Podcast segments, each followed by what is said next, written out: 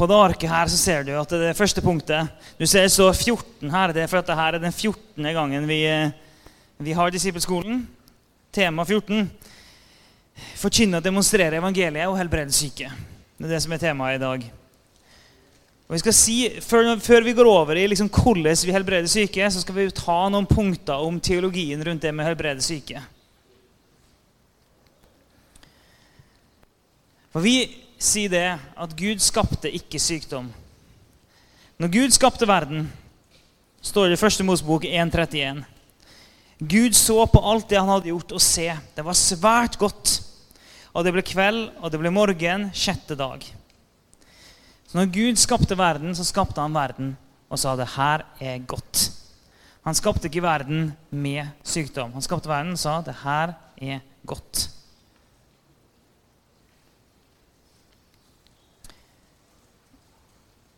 Vi kan også lese i Johannes' åpenbaring, kapittel 21. Så kan vi lese at eh, Og jeg hørte fra tronen en høy røst som sa, Se, Guds bolig er hos menneskene. Han skal bo hos dem, og de skal være hans folk, og Gud selv skal være hos dem. Han skal være deres Gud. Han skal tørke bort hver tåre fra deres øyne, og døden skal ikke være mer, heller ikke sorg eller skrik eller smerte. For det som en gang var, er borte. Så I de her eh, to versene så ser vi både hvordan det var i utgangspunktet. Når han skapte verden, sa han det her er godt. Og Vi kan lese om hvordan det blir på en nye jord. Ny himmel og ny jord. kan vi lese at um, han skal tørke bort hver tåre. Døden skal ikke være mer. Ikke sorg, ikke skrik, ikke smerte. De to tingene sier oss noe om hvordan Gud har tenkt at dette skal være. Men vi kan se hva som er utgangspunktet, hvordan det skal bli.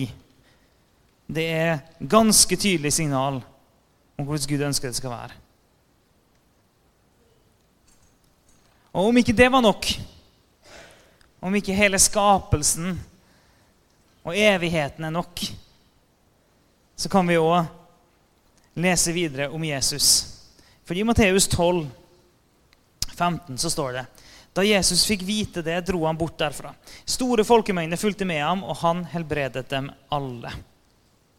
Og Det ser vi flere ganger gjennom eh, evangeliet. så ser vi det. Jesus helbreda alle. Igjen og igjen og igjen så ser vi det. Jesus helbreda alle. Og Jesus helbreda ikke alle som levde i hele verden på den tida, men han helbreda alle som kom til han. Litt etterpå, i Matteus kapittel 14 vers 35 og 36 så står det Folk der på stedet kjente ham igjen og sendte bud rundt i hele området. Og de kom til ham med alle som var syke. De ba, ham, de ba om at de bare måtte få røre ved dusken på kappefliken hans, og alle som gjorde det, ble friske. Sånn at, ok, Jesus han har blitt kjent for helbredelse. Han har blitt kjent for en som helbreder syke. Så når de så han, så sendte han bud rundt i hele området, og de kom til han med alle som var syke. Og alle som rørte ved han, ble friske. Ok, Så da har vi både Vi ser i skapelsen. Gud skapte verden, han sa det var godt. Og vi ser hvordan det skal bli i enden og i evigheten. Ingen smerte, ingen sorg, ingen skrik. Og så ser vi at når Jesus levde på jorda, så helbreda han alle. Og så vet vi at Bibelen snakker om Jesus som at han er, eh, han er han, Jesus er et bilde på Gud. Så når vi ser på Jesus, så ser vi Gud.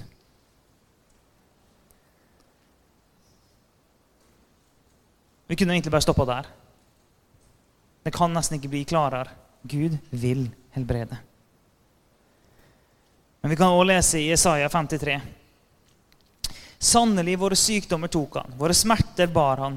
Vi tenkte han er rammet, slått av Gud og plaget. Men han ble såret for våre lovbrudd, knust for våre synder. Straffen lå på ham, vi fikk fred, og ved hans sår ble vi helbredet. Ved hans sår så ble vi helbredet. Og når Jesus døde på korset Ja, han døde for at vi skulle bli frelst. Ja, men han døde ikke for at vi skulle bli frelst og få på en himmelbilletten i baklomma. Frelsen er mye mer enn bare det. Frelsen er mye mer enn bare ok, vi kan leve med han. Frelsen er òg helbredelse. Frelsen er også gjenopprettelse. Frelsen er også helhet. Når han døde på korset, så var det mer enn bare at nå slipper jeg å gå til helvete. Det var at nå kan jeg få lov til å leve sammen med han og bli hel igjen.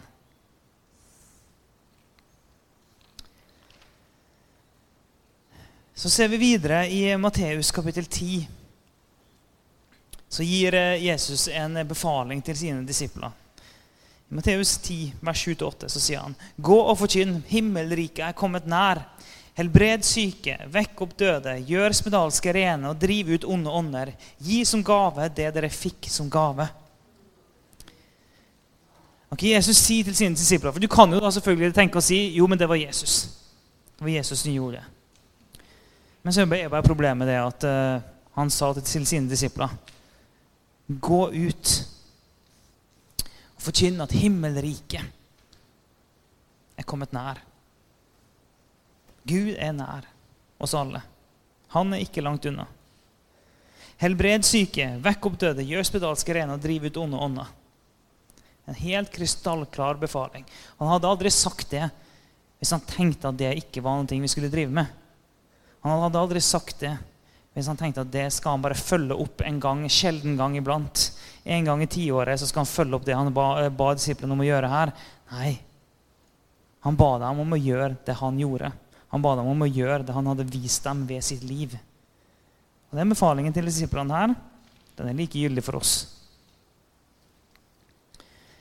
Så ser vi på at helbredelse er en del av evangeliet. For I Matteus kapittel 4, vers 23-24 så står det at eh, Siden dro Jesus omkring i hele Galilea. Han underviste i synagogene deres, forkynte evangeliet om riket og helbredet all sykdom og plage hos folket. Ryktet om ham spredte seg over hele Syria, og det kom til ham med alle som hadde vondt og led av forskjellige sykdommer og plager, både de som hadde onde ånder, de månesyke og de lamme, og han helbredet dem. Så Jesus han går ut og så forkynner han evangeliet om riket og helbreder all sykdom plage hos folket. Så når han forkynner evangeliet om riket, en bit av den forkynnelsen er òg å helbrede all sykdom og plage hos folket.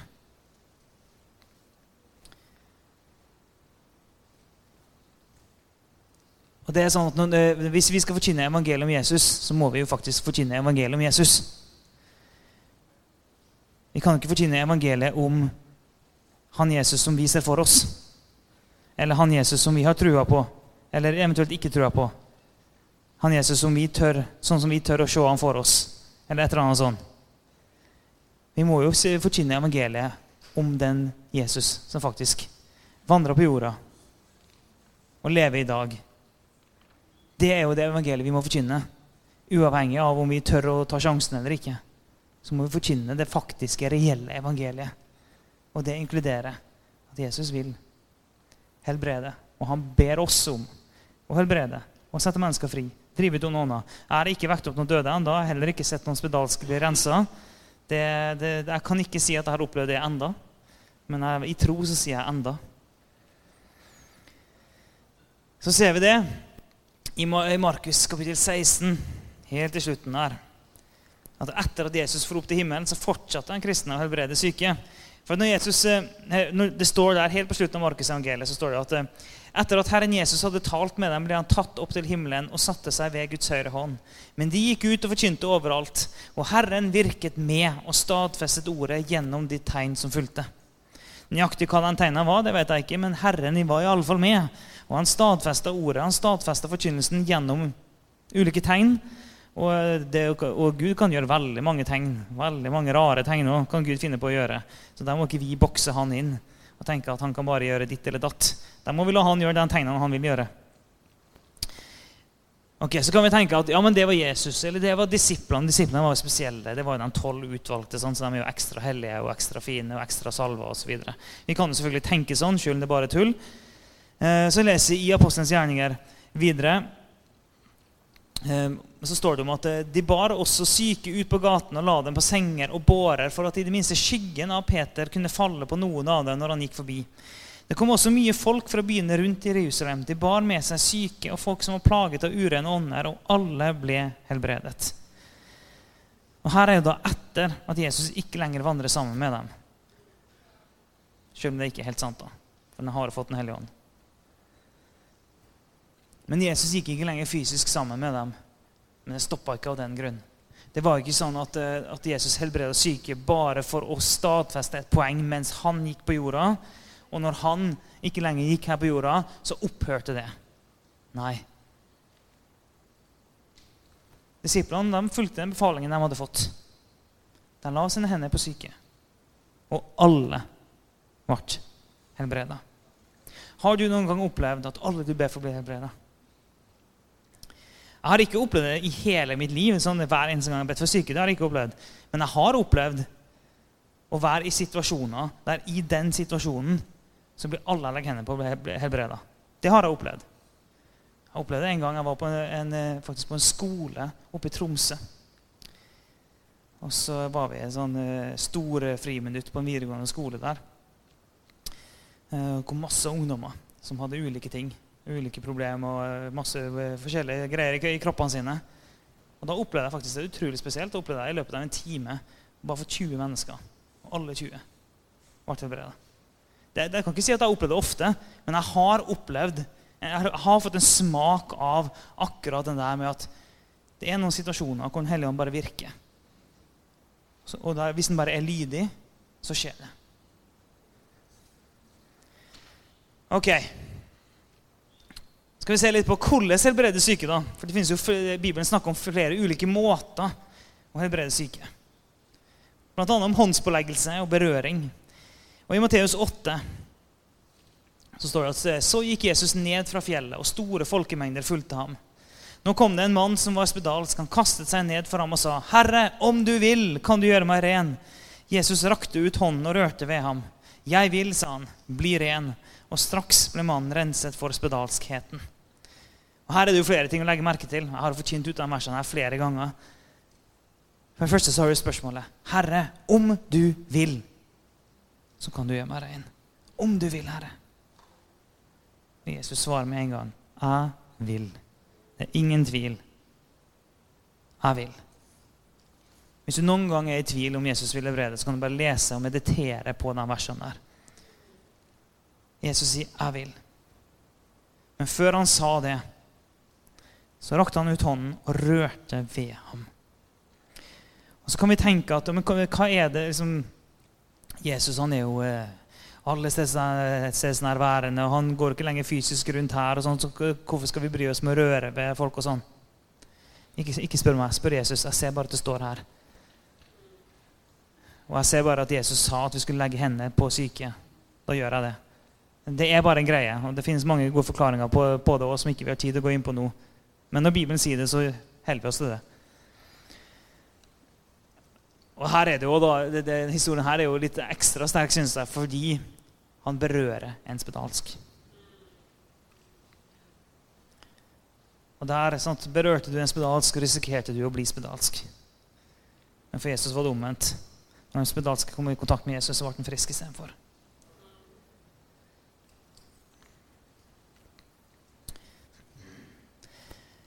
I Markus, kapittel 5, vers 25. Det var en kvinne der som hadde hatt blødninger i tolv år. Hun hadde lidd mye hos mange leger. Alt hun eide, hadde hun brukt uten å bli hjulpet. Det var heller blitt verre med henne. Hun hadde fått høre om Jesus og kom nå bakfra i folkemengden og rørte ved kappen hans. For hun tenkte om jeg så bare får røre ved klærne hans, blir jeg frisk. Med en gang stanset blødningen, og hun kjente på kroppen at hun var blitt helbredet for plagen. I det samme merket Jesus at en kraft gikk ut fra ham, og han snudde seg i folkemengden og sa, 'Hvem rørte ved klærne mine?' Og Her har hun tenkt ok, jeg må bare få rørt ved Jesus. Jeg må bare komme i kontakt med han. Og Så står det at når hun gjorde det, hun rørte ved kappen, og med én gang stansa blødninga, og hun kjente på kroppen at hun var blitt helbreda.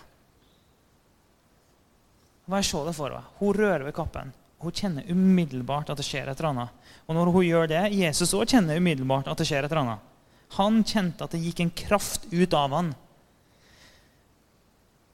Og sånn at Gud har skapt den fysiske verden som vi lever i. Og Da er det ikke så rart at han velger å virke gjennom den fysiske verden òg. Så det, den fysiske berøringen det har noe å si. Det er noe med det. Og I Markus 16 igjen da, så er det her med at, eh, å legge hendene på syke. Og Her sier jo da Jesus til sine disipler Gå ut i hele verden og forkynn evangeliet for alt som Gud har skapt.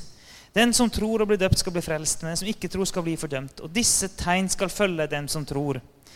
I mitt navn skal de drive ut onde ånder, de skal tale nye tungemål, og de skal ta, slanger i hendene. Om de drikker dødelig gift, skal det ikke skade dem, og når de legger hendene på syke, skal de bli friske. Og når, ikke hvis, og når de legger hendene på syke, skal, ikke kan, skal de bli friske. Når dere legger hendene på syke, så skal de bli friske. Og Det er litt sånn at det finnes mange løfter i Bibelen. Et løfte som mange syns er veldig, veldig, hyggelig å ta med seg, er når Jesus sier at 'jeg skal aldri forlate dere'. 'Jeg skal være med dere'. Så lar la vi oss trøste av det. Men hvis vi tror på det løftet, så må vi tro på løftet her òg. Vi må jo tro på alle løftene. Vi kan ikke velge hva løfte vi skal tro på. Han har gitt et løfte om at når vi legger hendene på syke, så skal de bli friske. Så det er den berøringa. Men så vet jeg at folk kan bli helbreda bare med å tale ut i tro.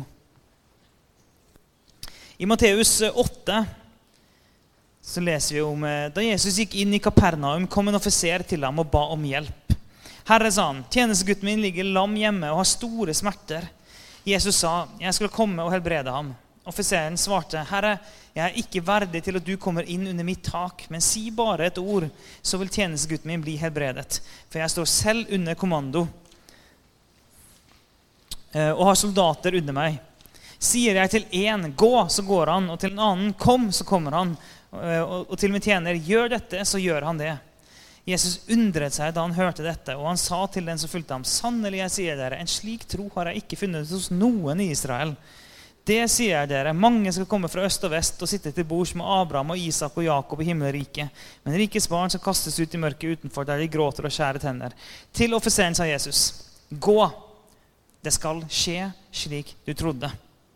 Og tjenestegutten ble frisk i samme stund. Og Det som er interessant her, det her er jo bare troen til offiseren. Hva det var Jesus som forløste kan du si, men samtidig troen til offiseren forløste helbredelsen. For Jesus sa jo 'Jeg skal komme'. Så Jesus hadde i utgangspunktet tenkt å gå fysisk til denne gutten her. Men troen til offiseren gjorde at Jesus ikke trengte. Så har ikke vi tid til å gå inn i en lang undervisning om tro her. Men troen til offiseren gjorde at Jesus trengte ikke. Han kunne bare si 'gå'. Det har skjedd. Det er sånn som du trodde. Sånn, gå, det skal skje slik du trodde. Og så har vi det med å handle i tro. Og I Lukas 6 har vi en historie som er ganske sterk. En annen sabbat gikk han inn i synagogen og underviste. Der var det en mann med en høyre hånd som var vissen.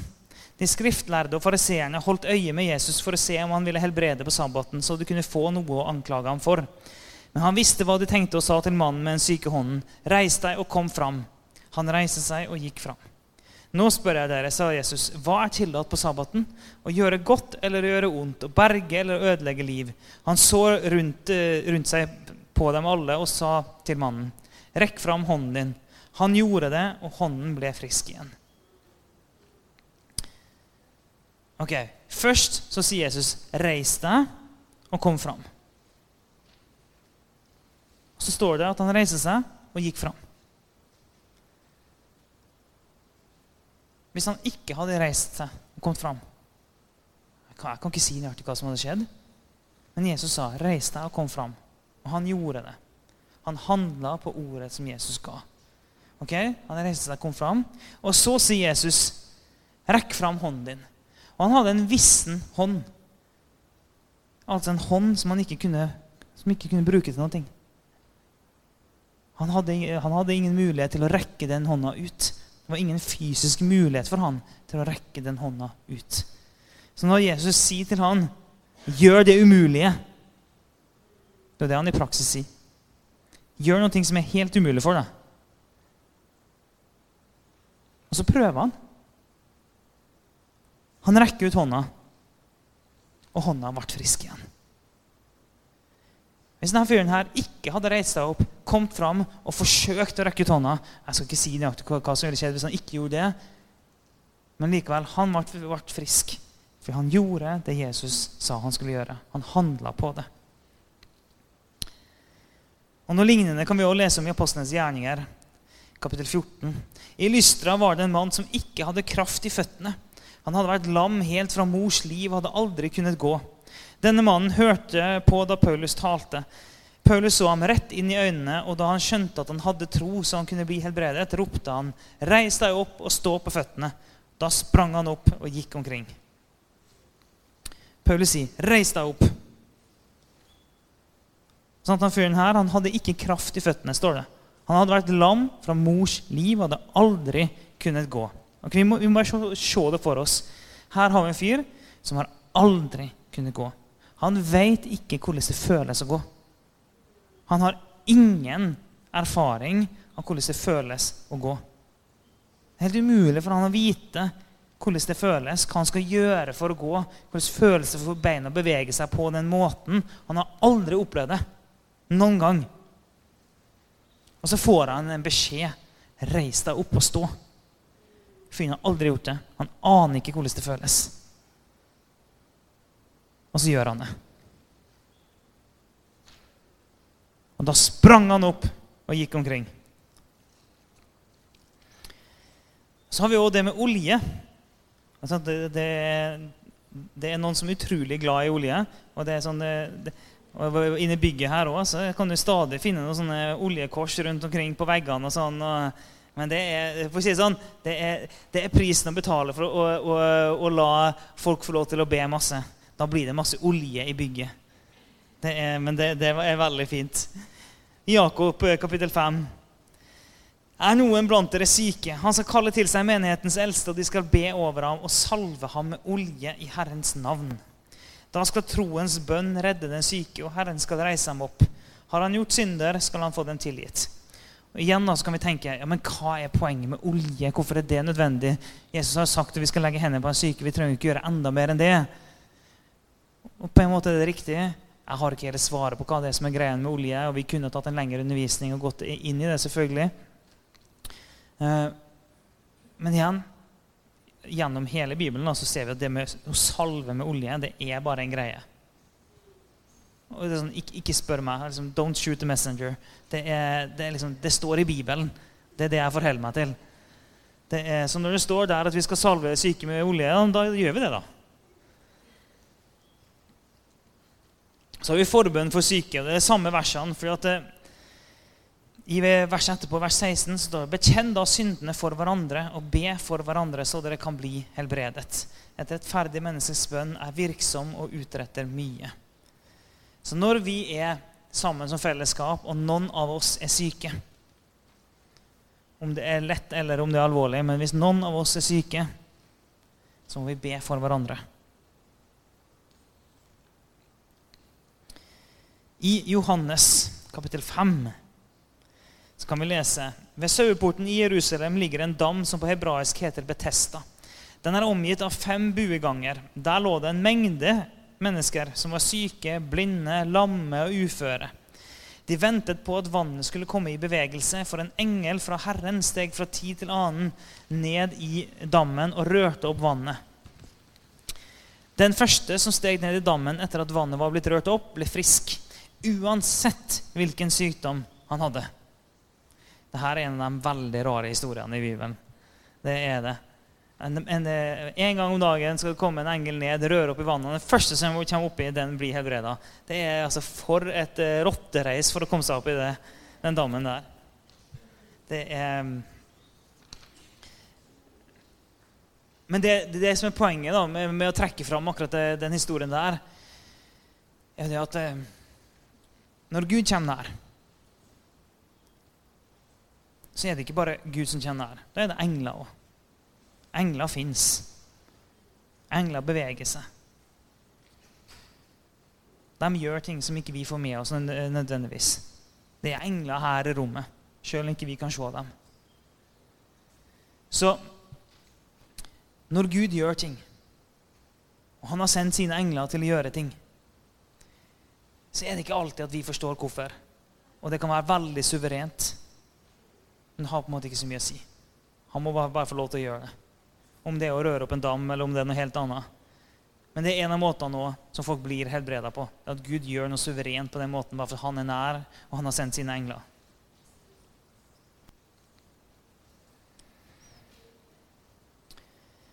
Så har vi kastet ut sykdomsånder. Lukas 13, vers 10. En sabbat underviste han i en av synagogene. Der var det en kvinne som hadde vært plaget av en sykdomsånd i 18 år. Hun var helt krumbøyd og kunne ikke rette seg opp. Da Jesus fikk se henne, kalte han henne til seg og sa, 'Kvinne, du er løst fra sykdommen din.' Han la hendene på henne, og straks rettet hun seg opp og lovpriste Gud. Og den historien der, Det minner meg om en historie jeg fortalte på en disippskole for to ganger siden. For det var, det var, en gang jeg ba for en dame som hadde hatt uh, veldig mye rygg, ryggsmerter i 20 år ca. Og, hun, uh, og når, når, vi ber for henne, så, forteller hun det at smerten begynner å flytte på seg. Så det, det, plutselig hadde hun vondt et annet sted i ryggen. og Så ber vi litt mer, så hadde hun vondt et annet sted. så ber vi litt mer, så hadde hun vondt et annet sted.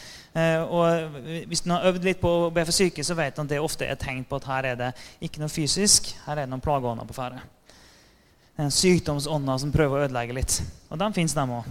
Og hvis de fins i Bibelen, så fins de i dag òg. Så eh, når jeg skjønte det, så var det sånn Ok, Gud, hva, hva, skal du gjøre nå? For det er jo en grunn da, til at den har fått lov til å drive plage. Sånn er det alltid med sykdomsånder. Okay, hvis den, får, har fått, hvis den driver og plager, så er det en grunn til at den får lov til å gjøre det. Så da må vi finne ut hva er den grunnen, så vi kan få løst opp i det. Eh, så da ber vi ok, Gud, nå må du bare vise oss hva er greia her så opplever jeg at jeg får et, et ord fra Gud om at det, det er noen, noen, noen som her dama her trenger å tilgi. Så deler jeg det, så jeg, jeg opplever at det er noen du trenger å tilgi. Og når jeg sier det, så er det umiddelbar gjenkjennelse fra hennes side. Hun begynner å grine. Og bare sånn, ja, Hun trengte å tilgi søstera si. Du mener det var. Så var, tok vi en runde på det, hun tilga og sånn. Og så ba hun for en gang til, og så var all smerten borte. Da hadde hun i 18-20 år, nesten, som, nesten, helt likt som historien her, hadde hun slitt med smerter. Og jeg møtte henne et halvt år etterpå, tilfeldig, på en konferanse.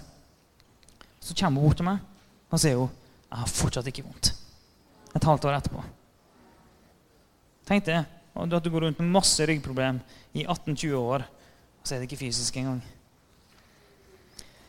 I Matteus 17 kan vi lese da de kom ned til folkemengden, kom en mann bort til Jesus, falt på kne for ham og sa, 'Herre, ha barmhjertighet med sønnen min. Han er månesyk og lider forferdelig. Ofte faller han inn i ilden, ofte i vannet.' Jeg tok ham med til disiplene dine, men de var ikke i stand til å helbrede ham. Jesus svarte, 'Du vantro og vrange slekt, hvor lenge skal jeg være hos dere?' Hvor lenge skal jeg holde ut med dere? Det er, uh, det er, det, jeg lurer på hvordan det hadde føltes å stå og ta imot det der. Kom hit med gutten! Det er Ja. Og Jesus talte myndig til ham. Den onde ånden for ut, og gutten ble frisk i samme stund. Jesus han talte, ånden for ut, og gutten ble frisk i samme stund. Så av og til når folk er plaga, så er det sykdomsånder som må ut. Og Den siste her er jo det som går på en kunnskapsord. Og Kunnskapsord er jo det at Gud han viser oss ting som vi i utgangspunktet ikke vil kunne vite. Og når, vi, når Steinar spør om det er noen som har problemer med lungene sine, og jeg sier at det, det er noen ting med, som er et slags pannebånd av smerte rundt hodet, og sånn, så er jo det kunnskapsord. Det er bare for å oppleve at Gud viser meg det. Og, og Gud kan, kan, jo eh, gi kunnskapsord på mange måter. Og Vi kan uh, høre det, vi kan se det, vi kan kjenne det. det finner, våre åndelige sanser fungerer jo på ulike måter, kan plukke opp ulike ting. Uh, så for meg så er det ofte det at jeg bare ser et bilde for mine åndelige øyne. Og så jeg, så jeg det. Og her gjelder det bare å øve seg opp uh, ved bruk, som det står i brevbrevet. Øve opp sine åndelige sanser ved bruk. For å høre Guds eh, stemme på ulike måter. Så han taler, og så må vi da selvfølgelig tørre å handle på det. Og vi har jo forskjellige eh, historier på det. Eh, som ikke vi skal liksom, lese i sin helhet akkurat her og nå. Men i Johannes 4 så har du kvinnen i brønnen, og Jesus snakker om at, eh, at ja, du snakker sant, den mannen du, eh, du har nå, du, du, har hatt fem menn, og hele historien der. Og hennes respons er jo det at eh, hun går inn til byen så sier hun til folk jeg har møtt en mann som har fortalt meg alt om, om meg. Alt i livet mitt. liksom. Et kunnskapsord. Hennes opplevelse er at hun har møtt en som har sett alt hos henne. Et annet eksempel på kunnskapsord er jo når, eh, når Saulus, før han ble Paulus, ble blind og satt og venta. Så var det jo eh, eh, Ananias som fikk et kunnskapsord. Gud sa til ham, 'Gå til den gaten som kalles Den rette', og til huset til nå har jeg glemt navnet, til en eller annen. Sånn? Han sier, gå til den, han sier i gatenavn. Gå til den gata, og så sier han huset til en eller annen person. Det er som om man skulle gitt et gatenummer. Så det er omtrent som man skulle sagt jeg bor med min adresse Nedre Kirke Birkeland 48. Det er min adresse. Så det er omtrent som man skulle sagt det. Gå til Nedre Kirke Birkeland 48. Til det hvite huset der Alf Kåre bor. Der er det en mann som trenger at du ber for ham. Det er kunnskapsord. Og Vi har mange eksempler på sånne ting i Bibelen. Så når Gud viser oss det, så gjelder det at vi må bare tørre å handle på det. Da må vi tørre å tale det ut og si ok, er det noen ting som skjer da? Og så er det jo ikke sånn at, at Gud da bare har lyst til å helbrede den som har pusteproblem, når Steinar deler det kunnskapsordet. Nei, Gud har lyst til å helbrede alle. Alltid. Det tror vi på. Men av og til så er det noen, noen spesifikke ting han gjør. Sånn er det. Det er en sånn turboundervisning av helbredelse for i dag. For vi, vi, vi ønsker virkelig å, å, gå mer inn i det.